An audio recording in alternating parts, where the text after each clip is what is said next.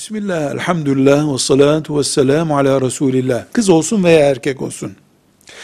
Bir çocuk 15 yaşına gelmeden önce babasını kaybederse o dinimizde yetim adını alır.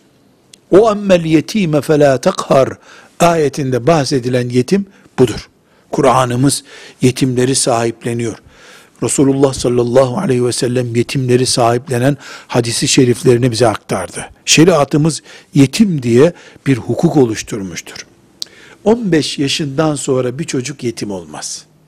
Biz buna reşit olduktan sonra diyelim. Yani 19 yaşında bir e, gencin babası öldüğünde ona yetim muamelesi yapmayız.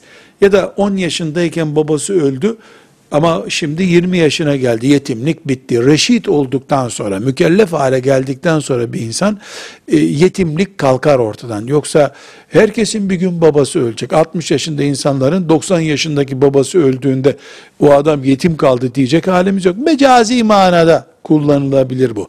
Reşit olmadan önce babası ölen erkek veya kız çocuğa yetim diyoruz. Şeriatımızın yetimle ilgili fıkıh bilgileri, Kur'an'ımızın tavsiyeleri onlar için uygulanır. Velhamdülillahi Rabbil Alemin.